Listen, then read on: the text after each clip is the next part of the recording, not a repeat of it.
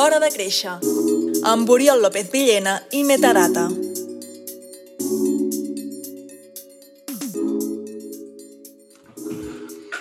Benvinguts a una nova edició de l'Hora de Créixer, un podcast on mantenim converses amb empresaris i directius que comparteixen les seves experiències i idees sobre eh, creixement, sobre millores, sobre, sobre el món empresarial en general.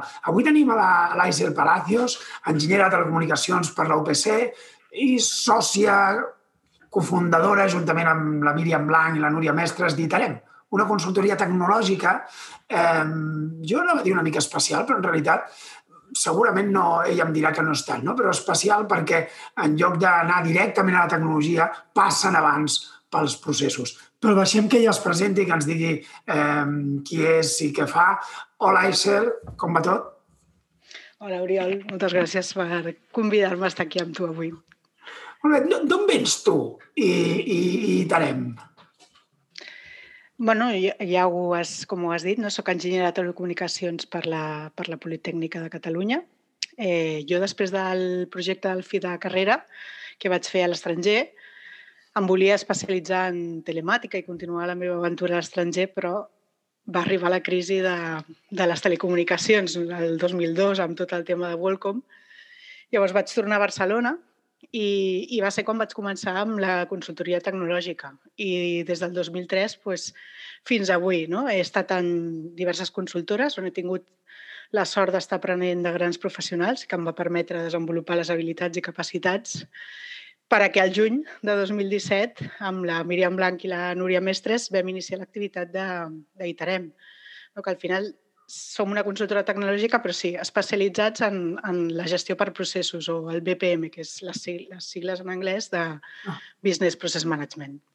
Com, de, com, sí, com descriuries en 20 segons el teu client i com l'ajudeu? Bueno, el nostre client, de fet, eh, és molt divers, no? no hi ha un patró únic perquè al final ens, ens centrem en, en crear aquesta eficiència operacional en els processos, no? Mm-hmm. ajudar-los a traslladar aquesta estratègia que tinguin en una realitat operacional. No? Al final, eh, es tracta que els ajudem a, a tenir un nivell de comprensió i transparència en els seus processos i com funciona no? la seva relació amb la seva tecnologia, proveïdors, clients, distribuïdors, no? Tot, eh, evidentment, passant per, un, per una automatització i una gestió global dels processos de, de l'empresa. I per què creus que torna? Doncs mira, aquí... Segueixen amb eh, el, jo crec que, evidentment, pels, pels resultats no? que, que obtenen al final, quan nosaltres apliquem la gestió per processos, el, el BPM, no? al final eh, creem espais compartits de, del, del coneixement no? per l'organització, eh, fomentem tota aquesta transparència que, que el, no, dona una visibilitat global de, de com funciona l'organització, el seu torn ajuda a millorar les operacions, detectar variacions, errors, controlar els processos, amb la qual es resolen ràpidament problemes que puguin tenir, no? aïllar causes, impulsar solucions, impulsem molt la col·laboració i sobretot també eh, es tracta de que nosaltres, eh, l'èxit d'un projecte no és només el, el que nosaltres anem a executar allà i acabem, no? que al final l'organització, quan nosaltres sortim, també ells estiguin dotats d'aquestes habilitats i competències per, per continuar aplicant ah, sí, que... eh, accions de millora contínua. No? Que no us que, que siguin independents en aquest sentit, no? que siguin autònoms. Exacte. No? I al final es tracta de tenir una relació de molta confiança en general amb els nostres clients, no? de, de, de, en el sentit aquest de col·laboració, també desbloquegem el, el seu propi potencial no? i que quan comencem un projecte no? es, es, ens centrem molt bé en entendre molt bé les seves necessitats, no? fem els projectes molt, molt, molt a mida. No? I, Clar, perquè això, això és, dels és... processos, que jo crec que és bàsic, no? una vegada eh, ho he dit, no? que és el, el problema de la tecnologia moltes vegades és que quan s'incorpora directament sense que hi hagi un procés previ, eh, al final no funciona. No? Jo, jo sempre dic que la, que la tecnologia és un multiplicador i multiplica tot allò que fas bé, però també tot allò que fas malament. No? Per tant, clar, entenc que anar a una empresa que t'està demanant una solució tecnològica i dir-li eh, atura't, espera't un moment i primer parlem dels processos, no, no deu ser fàcil moltes vegades, no? Perquè entenc que les empreses moltes vegades van molt convençudes del que volen. Es pensen que, que saben què volen, no? Exacte. O sigui, moltes vegades eh, els problemes que tenen no, el, els s'identifiquen amb una peça tecnològica concreta, no? l'ERP, el CRM no funciona, no fa això, i busquen una altra peça que resolgui aquells problemes que han identificat. No? Però ha de ser una visió no? molt, molt més global, no? de, de primer per aturar realment què necessites, estandarditza i pensa bé com has de treballar, no? inclús amb la definició de processos, que, que ja no és com, com era abans, no? que al final era tot una documentació, sinó inclús pots simular i, i veure eh, com, es, com afectaran els canvis que tu puguis produir i amb les dades que tu tens als propis sistemes informàtics no, també pots recollir-les i entendre molt millor com s'estan executant els processos. Per tant, al final no es tracta únicament de tecnologia. No? Nosaltres sempre posem eh, tres elements no? en, el, en els ingredients dels projectes. Han de ser processos i tecnologia i no han de ser coses ni separades ni enfrontades i les persones també, no? perquè al final les persones són les que executen els processos ah. sobre una base tecnològica i són les, els tres elements i els tres elements són el que in, cuidem al màxim en, en tots els nostres projectes. No? I clar, depèn quina, depèn, quina, depèn quina persona et deus trobar dins. Jo, amb, amb segons quines generacions, depèn quins, quins moments, deu ser complicat introduir certes tecnologies. Bueno, però si tu fas participar una persona no, que, que ha d'estar treballant amb això, en el projecte no, de redefinició, al final les persones que estan treballant allà al dia a dia són qui tenen el màxim coneixement. Sí, s'ha d'implicar, jo també estic d'acord, sí, sí. Exacte. És, és aquest treball d'equip multidisciplinar des del principi, no, que, que fomentarà també tot el, el, el marc de treball àgil, no, que, que jo també dic no? que àgil a vegades es confon amb que farem les coses eh, molt més ràpid i treballant menys. No? Al contrari, jo crec que l'àgil sí que et permet anar adaptant a les circumstàncies, però hi dediques moltes més hores al principi a comunicar, a treballar no? i amb una formació conjunta perquè després no hi hagin eh, no? Des, desviacions. No o sigui una cosa que d'aquí dos anys entregues i, i no té cap mena de sentit. No? Això és curiós, eh? perquè en el, en el... és un clàssic a moltes empreses quan a certs treballadors i, i no només treballadors, sinó també a les empresàries o la, els directius o a més que hi hagi, eh, diuen coses com és que m'és més fàcil fer-ho a mi que explicar-te com es fa, no? I, I clar, és el que tu deies, en realitat perquè sigui àgil, perquè accelerem en un futur, necessitem dedicar aquell temps que, serà, que farà fer-nos, que, farà, que ens farà anar més lents, segurament al principi, no? És la manera d'aturar-se una miqueta per, per accelerar després és l'acudit aquest, no? que, que hi ha una imatge que surten uns treballant amb unes, unes rodes quadrades no? i veu un amb una roda rodona i li diuen no tenim temps no, ara per aquestes coses perquè estem molt ocupats treballant. Acudit, Exacte. Aquest acudit eh, és bo perquè jo, jo l'he vist, li explico alguna vegada, però jo l'he vist amb, amb una batalla a l'edat mitjana. És, és, és igual, però és una, una, plena batalla a la mitjana, tothom amb espases i, i, i aquestes coses, no? i llances i això. I llavors hi ha un comercial amb armes de foc i li, i li diuen exactament, i li diuen més o menys això, no? Li diuen, escolta, no tinc temps per venedors, diu, perquè ara estem intentant lluitar una... estem intentant fer una, una, guanyar una batalla, no? El, el, això és un clàssic, l'intentar aturar-se, l'intentar frenar, i crec que aquesta és la clau moltes vegades de, de la introducció de tecnologia. Tot i que la tecnologia, ara després en parlem, però crec que ha incomplert part de les promeses, o, o jo crec que ha incomplert la gran promesa D'acord? La tecnologia venia per, per estalviar-nos temps. Al final, com a persones, com a empreses, eh, venia a estalviar-nos temps. Però la meva percepció, com a mínim, amb els empresaris amb qui jo, amb qui jo em reuneixo, amb qui jo parlo, eh, és que tenen menys temps que abans. Estic totalment d'acord, no? El, el, al fin, jo tinc una anècdota no, de quan, quan era petita i anava al col·le. El, i a mi ja em semblava que nosaltres estàvem moltes hores al col·le, tot i així jo arribava a casa no? i, el, i el, els meus pares trigaven bastant més que jo, no? a més amb les mesures aquests de nens, que mitja hora ja és un món, eh, en arribar. No? I, i, I jo me'n recordo de fer-li aquesta pregunta al meu pare i dir-li, ostres, com, com és que els adults treballeu tantes hores, no? Podeu estar, no us canseu, no... I em deia el meu pare, quan tu siguis gran, segur que tot això ja, ja ho fan robots, no? I, i la qualitat de vida canviat, no? I, i ara ens trobem aquí i, i és la gran, la gran mentida. Al final, o sigui, la tecnologia no la pots entendre separada del negoci, no? de, de per si. Al final, és, és, si tu tens una, un procés ineficient i l'automatitzes, el que tindràs és una, moltes més ineficiències, moltes més ràpides.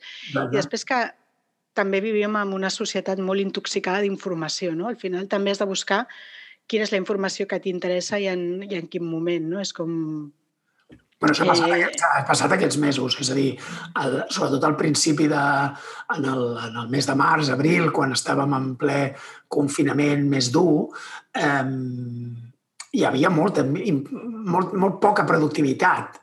Ja no només perquè treballaven des de casa, que en podem parlar després, no? sinó perquè hi havia un accés o, o hi havia un accés d'informació, ganes de veure informació. No? Tothom estava connectat al Twitter a veure les últimes dades de, de morts, d'ingressats, el qual era una mica macabre, eh? però, sí. però en realitat tothom estava mirant aquestes coses.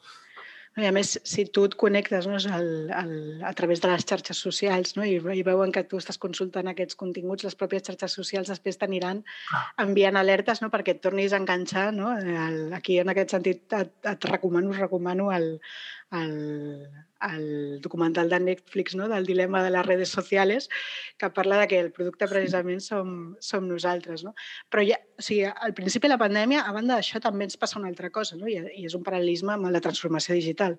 Que la transformació digital no és agafar els processos tal com els fem eh, d'una manera i passar-los amb canals digitals. Al contrari, no? i amb la pandèmia, amb el teletreball, va quedar molt, molt... Tu no pots continuar amb els mateixos rutines i processos online que, que offline. No, no, no és el que has de revisar... De traslladar una carpeta que era de paper i la teníem allà a un directori eh, al núvol. Exacte. No, eh, això és mirar-se no? únicament una tasca concreta, una cosa per ah. facilitar, però el que s'ha de mirar és el procés en global no? i coordinar, per exemple, equips en remot, doncs no té res a veure no? que trobar-te en una oficina cada matí i, i, i tenir, prendre el cafè i llavors ja comentes, et poses al dia o mentre estàs allà estàs sentint el que passa. No, perquè trenques, en certa manera, la, el, el treball a casa o el treball en remot té, té molts avantatges, però també hi ha certes rutines que si les tenies establertes, per exemple, la, la màquina del cafè és un gran lloc on les empreses eh, s'hi fan, s'hi prenen moltes decisions no perquè sigui la màquina del cafè, sinó perquè casualment és on la gent parla més distesa on, i on deixes lloc una mica a l'espontaneïtat. Clar, això no existeix en una reunió de Zoom. Bueno, és, en, és que jo crec que en digital també has de buscar no? aquests espais de, de construcció d'equip i, i de fet nosaltres mantenim, no? I tenim un, un cafè digital eh, després des del març, que al principi, a les èpoques més dures del confinament, pràcticament el teníem diari, no? per, per, també per descarregar una mica aquesta pressió i ah. comentar tots, perquè allà no teletreballàvem, quasi que fer supervivència no? amb, els, amb els nens i tot a casa. I, i ara pues, el continuem mantenim un cop a la, a la setmana. Al final també no? sí, sí, jo, crec, de, de... jo crec que la situació aquesta, no, no, no sé com us haurà afectat a vosaltres, no? però, però sí que crec que certes coses eh, queden i, i quedaran. No, no, sé, no sé si per bé o per malament, jo crec que per bé, si no, no es decideixen. No? Eh, I quedaran. I, I clar, una d'elles és això, és a dir, el fet de, de poder mantenir una reunió, un contacte amb el teu equip. Jo quan alguns clients em pregunten escolta, i ara han de tornar a casa o els hem de deixar aquí o els hem de... No? Alguna, algun treballador em demana treballar des de casa, què faig? I jo amb això sempre penso, pensa en allò que funcionava bé, o com a mínim relativament bé, o que creiem que pot funcionar millor inclús, eh, durant el confinament, durant el moment més dur, i, i, i allò es queda. És a dir, si mantenir una reunió diària de 15 minuts era útil, és una cosa que has de mantenir. Ja veurem si digital o no. Eh, si en canvi no ets capaç o no has trobat encara el procés per, fer, per definir l'estratègia de l'empresa des de casa, doncs, doncs potser que les facis venir. No? Uh -huh. A vosaltres com us va afectar la Covid? Perquè entenc que, que en una situació en què tothom treballa, en què de sobte totes les empreses es van situar en teletreball i, i tothom cap a casa, eh, eh, això hauria ser un, un, un, un, com un canvi molt gran en la vostra dinàmica, no? Sí, sí, sí. A veure, el, el, internament, evidentment, ho és, no? perquè al final eh, t'afecten el que dèiem, no? el treball en equip i t'has de, de reorganitzar molt ràpidament a unes rutines que tens presencials a unes rutines remotes, tot i que nosaltres ja eh, abogàvem per, per teletreball puntual no? de la gent, però no és el tothom ja, ja tots els dies fora. No? Vosaltres ja sou una empresa tecnològica, per tant, això ja ho teníeu... Llavors teníem una gran avantatge que és, eh, evidentment, no? tots els nostres equips ja estaven securitzats, tenim tots els nostres accessos i gestió en el núvol. Eh, sí que coses que fèiem molt més presencials en una pissarra, pòstits, doncs, bueno, doncs en, ens hem portat aquesta, per tenir aquestes dades centralitzades, no? que al final també és un dels components sí. claus, i que puguem tots compartir en tot moment i que la informació no sigui intrusiva no? i que tu no hagis d'estar preguntant tu què estàs fent i, i on tal, espera't que parlem, que ens coordinem, eh, que sigui fàcil per tothom i que a més, clar, amb aquest teletreball doncs, també tothom s'ha d'anar ajustant els horaris com, com, com pot.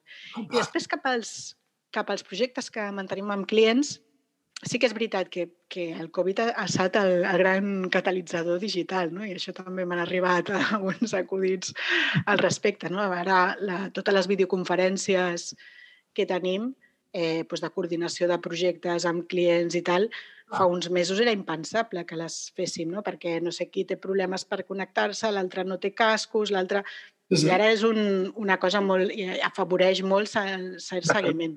De fet, jo tinc, jo tinc clients que podríem dir han deixat de voler-me veure presencialment. És dir, el, jo porto molts anys utilitzant Zoom, per exemple, i, i eines com aquesta, ja des del 2013-2014 ja feia el meu servei, part del meu servei anava així, però em costava molt convèncer certes empreses sobre aquest tipus d'eines, no? perquè tenien la sensació que havies d'estar allà moltes vegades. A mi em va sorprendre un client que, amb qui ens veiem un cop al mes i que quan li vaig dir, escolta, això ja es comença a obrir, eh, ho recuperem, em va dir no, no, no, que jo que, que, quasi que prefereixo aquesta trucadeta de 20 minutets cada setmana a través de, a través de Zoom. Eh? Vull dir, això ja em va bé. Al final vaig haver-lo obligar, eh? un cop al trimestre, com a mínim, que ens veiéssim. Però, clar, hi ha coses d'aquestes que en realitat són més útils. Sí, sí.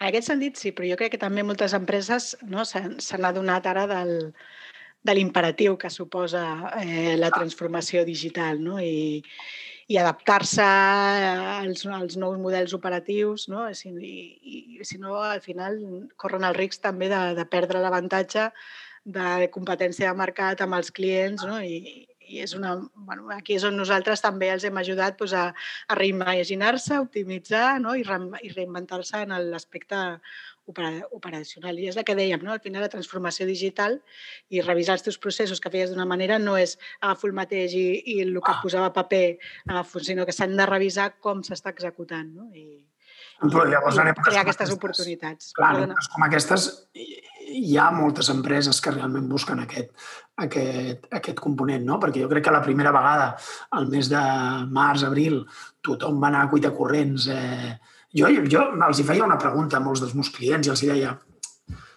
sabent això el mes de maig, el mes d'abril-maig, dic, sabent el que sabeu ara mateix, fa sis mesos, què haguéssiu fet? És a dir, què, quines decisions haguéssiu pres, no? I, i, i, i n'hi havia dues que es repetien constantment, eh? I una era el tenir més estalvi, o sigui, estar, haver estalviat, tenir més calés al banc i no confiat en el deute.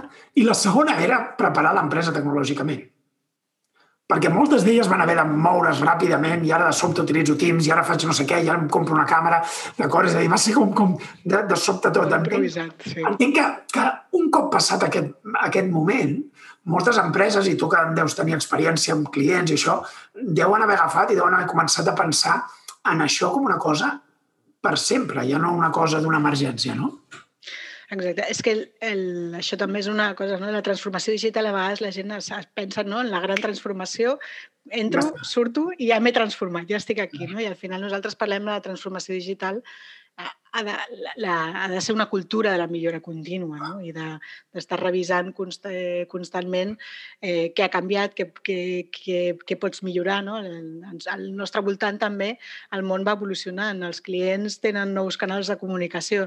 Pues, aquesta transformació digital ha de ser constant, no? I al final eh, doncs també no? ens, ens hem de preparar per incorporar les noves tecnologies, no? la intel·ligència artificial, eh, tota la gestió de dades, no? en el, en el, ha de ser una cosa molt més viva. No? No, ha d'estar present en l'estratègia de qualsevol, de qualsevol empresari. No? Sí. Ah, canviant de tema, vosaltres a l'empresa, entenc que és una, una, una empresa des de l'any 2017, per tant és una empresa petita, d'acord? Uh -huh. Hi ha hagut alguna estratègia o estratègia o acció de, de creixement, d'acord, que us hagi funcionat molt bé al llarg d'aquests dos anys? Al llarg d'aquests tres anys ja, quatre? A veure, el, sobretot la nostra estratègia de, de creixement, no? al final és, és eh, la feina ben feta i la recomanació. No? Al final és això i una constant eh, també aprenentatge propi no? i fer-nos millors i trobar noves tecnologies i, i amb aquestes recomanacions eh, buscar sempre els nostres clients, més que com un client amb el que veiem, sinó com una relació a llarg termini el que recomanem el que realment pot necessitar. No? I quan trobem una nova tecnologia, eh, de seguida ens ve el cap, no? quin client això li interessaria i, i els, els hi proposem moltes novetats. Exacte. Sí, sí, sí. I després, sobretot, a, a, bueno, a partnerships, o sigui, relacions amb, amb altres eh, companyies i, i, i aprendre als altres. No? Jo, per exemple, també sóc membre de, de WOMAP, un grup d'empresàries i executives, no, i també doncs, el, el compartir experiències no? i buscar sinergies és, és una manera també de... Sí, de... Eh, clar, quan, quan és a dir, la vida de l'empresari, tot i que vosaltres sou dues, ai, sou tres. Tres. Perdó, perdó. Tot i que vosaltres sou tres, no, volia dir que tens dues companyes, vull dir, en aquest sentit. Però, tot i que vosaltres sou tres, la vida de l'empresari sempre és molt solitària, no? És, és una, una vida que moltes vegades la presa de decisions en les petites empreses està molt centrada en una persona. En el post que sou tres, el qual jo crec que, que, que òbviament deu tenir les seves, les seves, les, els seus inconvenients a vegades, d'acord? Diferència d'opinions, però et dona un punt de, de, de seguretat a les decisions que preneu que altres no poden. Però tot i així, una cosa que, que m'agrada i m'agrada veure que, que, que ho valoreu és el, el asseure's amb altres empresaris. Sí, sí, sí. El, el, per el que tu dius, no? De nosaltres, el, per prendre decisions, de fet, ja som tres, número senar, no? Per, Fantàstic, sempre eh? dos de tres guanya, no? I, I sí que és veritat que, mira, abans de, de començar aquesta aventura el 2017 d'Iterem, amb, amb un company de, d'estudis de, que em vaig trobar i que ell és empresari, em va deixar un, un llibre que és el libro negro del emprendedor, ¿no? que de todo lo que no deberías hacer cuando quieres emprender. Exacte. I una de les recomanacions que deia era que a vegades més, més val són. No? I he de dir que de tots els consells que em vaig endur d'aquell llibre, que són molts, no? a vegades aprens més... Però n'has incomplert molts, no? En aquest, precisament, eh, no estic gens d'acord. No? Per, mi, eh, es, es, per mi és fonamental no? el, el que siguem compartir preocupacions. A més, a vegades, no? l'enfocament a certs problemes el pots, el pots eh, parlar i, i, no? I quan una està més baixa, doncs una està més animada i, i es, es compensa molt. O sigui, per mi el, el viatge és molt més feliç sent tres. No? Bueno, és una després, Sí, i després, el, el, després sortir, no? De, perquè al final els teus propis problemes no també es fiquen molt al cap cap a dins ah. i com en tot, no? al final aprens molt eh, el stay hungry, stay foolish, no? Eh, sempre estar en contacte amb les experiències mai saps quan vindrà una cosa que et farà relacionar amb un, amb un altre, tant a nivell dels teus propis serveis o solucions. I, home, eh, per nosaltres és fonamental compartir experiències amb altres empresaris, primer perquè pots aprendre moltíssim d'ells, no? tant de la, del que han fet bé com del que... Clar, és a dir, vosaltres us deu passar com a mi, és a dir, i jo sempre els dic als meus clients que jo n'aprenc molt més d'ells que ells de mi. és a dir, el, el, crec que compartir experiències i l'estar en contacte amb gent amb gent de diferents sectors, uh -huh. dona una visió, eh, et dona una visió diferent. És a dir, jo això me'n recordo perquè a vegades parles amb empresaris que són industrials i clar, nosaltres, tant nosaltres com jo, no, fem, fem serveis professionals. Uh -huh. I, I de vegades quan te'ls mires, jo he passat de pensar això no m'afecta, la manera com ells ho fan no m'afecta, a pensar com això podria funcionar en un, en un servei? I mhm. crec que aquesta visió només la tens quan t'ajuntes amb molta gent de sectors diferent, diferents. Exacte, és, és ampliar no, la, la, la perspectiva i al final no, la, la, la que es parla tant de la disrupció o enfocar nous serveis, al, al final passa per això, no? per relacionar dues coses que fins ara no s'havien relacionat i si no surts allà fora no parles, no? no inclús ah, doncs amb, ja no amb altres empresaris, nosaltres també tenim relació amb, amb gent de la Universitat Politècnica de Catalunya. No? Al final nosaltres ens basem en tecnologia, doncs també és important eh, barrejar tot en, en, en, en aquesta perspectiva i és com venen les millors iniciatives les millors idees, totalment. El, ja per acabar, els propers temps, quina és la prioritat d'Iterem? bueno, en aquest sentit és eh, continuar ajudant els nostres clients, més en aquest, en aquest escenari que, d'incertesa que se'ns obre en el, en el 2021. Al final és eh, mm, no dormir-nos, no? seguir amb aquest esperit de, de formació contínua, d'especialització, de col·laboració amb ells, no? aquesta proactivitat que, que comentàvem, no? de buscar sempre eh, aquest esperit de millora contínua, que és el que nosaltres traslladem, que han d'acabar aplicant als nostres clients, no? que nosaltres també el tenim i tenir aquesta maquinària. Ah, el, gran, el gran repte, perdona, perquè a més m'allargo, però m'ha vingut ara la pregunta, no? el gran repte per qualsevol empresa que, que, que podríem dir, vol millorar els seus processos a través de la tecnologia, és... Eh, jo, jo, jo el veig per dos costats, no? És a dir, per, per on començo, seria el primer costat, no? I, I la segona pregunta que jo em faria si estigués en una situació d'aquest tipus probablement seria com afectarà això a la, a la meva organització, és a dir, de quina manera això afecta en positiu però també en negatiu a la meva organització, no? És a dir, si, si això pot generar eh, eh, com ho diríem, com l'Europa a dues velocitats, però l'empresa a dues velocitats, o pot generar eh, debats o discussions sobre procés que no s'haguessin generat sense parlar d'això. Tu, tu, tu què diries a un empresari? És a dir, si jo et digués, escolta, per on he de començar? El primer pas i fonamental és, és identificar els processos, no? que sembla una tonteria, però la gent està molt més acostumada a pensar en departaments. No? I si tu demanes una llista de processos, la gent t'acostuma a donar una llista de departaments no? en comptes de processos. I el primer pas és trencar aquesta visió i veure que el procés no, és una cosa que acaba amb una producció cap al client. No? Ah, és una mica quan, quan, jo ho diria així, no? és a dir, des de que aconsegueixes el client fins que... Des de, Li produeixes el producte o el servei. Fins no? que cobres, no? Fins que cobres, passen tot de coses, no? És a dir, Exacte. Llavors, és veure això, no? Llavors, veure en aquesta cadena que al final tot el que s'està, els processos operatius, al final tu estàs produint un resultat per a aquest client. Ah. Posa aquest client en el centre també, no? I pensa no en el procés de, de per què tu fas aquesta cosa, sinó com repercuteix en aquell resultat i, i, i la qualitat o la percepció, no? Al final, si tu tens, tu tens un procés ineficaç, eh, el, el qui sortirà amb poca satisfacció és el teu client, no? I tot al final és una rodona que, que et perjudica, no? Al final. Llavors, el primer és identificar els processos. I després... Em permets una pregunta eh? molt curta sí.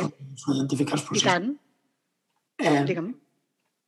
Creus que és... És a dir, us utilitzeu la tecnologia per identificar els processos o I per dibuixar-los? Sí, o sí, sí. feu a través d'eines com una pissarra? És a dir...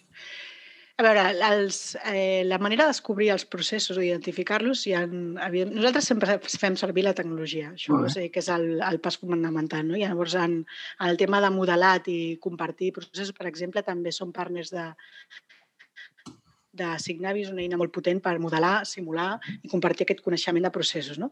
Això és quan ja els tens no? identificats i dibuixats i posats. Ara, per fer aquesta identificació, no? apliquem tecnologia, perquè amb, amb, tècnic, amb tecnologies com mineria de processos, tu pots agafar... Avui dia, tot el que tu estàs executant, i més amb, amb la situació actual, cada cop no crea un registre amb una aplicació informàtica, sigui el teu CRM, sigui el teu RP, no? tens allà un registre de en quin moment has enviat això, en quin moment has rebut això. Llavors, treballant amb aquests, amb aquests registres informàtics, no? nosaltres podem aplicar tecnologies de mineria de processos, també descobrim com s'estan executant aquests processos. I ja d'una descobreixes inclús ineficiències, pots proposar millores i tot. Després hi ha una altra manera, no? de, quan ja no hi ha disponibles dades, doncs temes més de, de, de manufactura o coses que, no? enviaments, eh, no tens una traçabilitat tant a nivell de sistemes, doncs sí que es fan workshops no, de, de descoberta d'aquests processos. No? Llavors, aquí sí que es treballa molt amb, amb, amb, amb la gent, a més aquí qui ha de participar és la gent que els executa. No? No, més quan un empresari no, et diu no, els processos són així i s'executen, la realitat, tu quan vas a parlar amb la gent que està executant, és una altra. No? I de fet, aquí hi ha un estudi de Gartner no? que et diu que van fer un estudi en més de 1.000 organitzacions en, a nivell mundial no? i que havien descobert que entre els processos que tenien modelats teòrics no? que s'havien extret i després aplicant mineria de processos sobre les dades reals, no? que hi havia una discrepància de, de fins al 46%.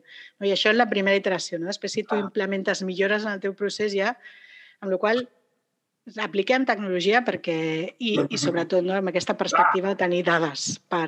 Això em porta a pensar, primer identificar els processos i el segon, i el segon pas, quin seria? El segon pas també és tenir mesures sobre els processos. No? Al final, també, eh, un cop tens mesures, pots fer una priorització i entendre no, quin és el procés que tens pitjor de salut, no? eh, eh, i sobre els que i tenir una, un, tu no pots canviar de cop tots els processos, no? també has de tenir un pla d'acció i una priorització d'en quins processos començaries a, a treballar. És un període llarg, entenc, és un període, és a dir, sistematitzar o, o procedimentar una empresa deu ser una cosa que deu portar anys, no? Exacte, o sigui, l'automatització dels processos i que, i que al final no, l'objectiu no últim és que tu tinguis sobre cada procés no, també dades en temps real, inclús, eh, que, i per prendre les decisions en ah. temps real, inclús predictives. No? Al final, l'objectiu últim seria, seria això. Eh, no s'acaba mai en el sentit de millora contínua. No? Al final, una de les coses fonamentals que fem quan, quan identifiquem processos també identifiquem el propietari del procés en, aquell, en aquella organització. Llavors, el propietari del procés és el màxim responsable en el sentit de com es fan els canvis, també de, de fer aquesta gestió del canvi a, a qui està executant el procés perquè entengui com els afectaran els canvis o com canvia tot el, el que hi ha i després el responsable de recollir aquestes mesures del procés i sobretot no, veure que estan alineades amb els objectius estratègics. Al final és el que dèiem, és tota una maquinària que es posa en marxa amb, amb l'objectiu últim segona, de complir. I la meva segona preocupació com a empresari, la segona que t'he transmès, la primera és per on començo, no? És a dir, identifiquem processos i, i, i, i mesures. La segona preocupació és com afecta això a l'organització. Al final, eh, tot això, o sigui, jo crec que la clau de la gestió de, de processos, eh, el, el que més et introdueix és transparència, no? en el com es fan o entendre per què, no? quan eh, una persona està treballant, el, com afecta que ella retardi o no, o com afecta. Llavors, la transparència, aquí sí que mm, a vegades agrada eh, a segons qui agrada més, a segons qui agrada menys. No?